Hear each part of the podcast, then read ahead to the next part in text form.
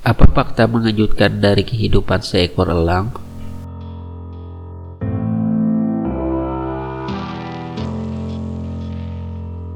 Ketika seorang pemuda bernama Pats dari Jizan menemukan seekor elang mati dalam perjalanannya, ia tidak menyangka bahwa burung tersebut bukanlah seekor elang biasa yang mati dalam perjalanan. Dia menemukan perangkat GPS di tubuh elang dengan informasi kontak di dalamnya. Ternyata ternyata pelacak itu sudah dipasang di Rusia sekitar dua dekade lalu. Perangkat itu menunjukkan pergerakan elang selama periode 20 tahun. Burung yang gagah itu telah melakukan perjalanan ke banyak negara selama hidupnya.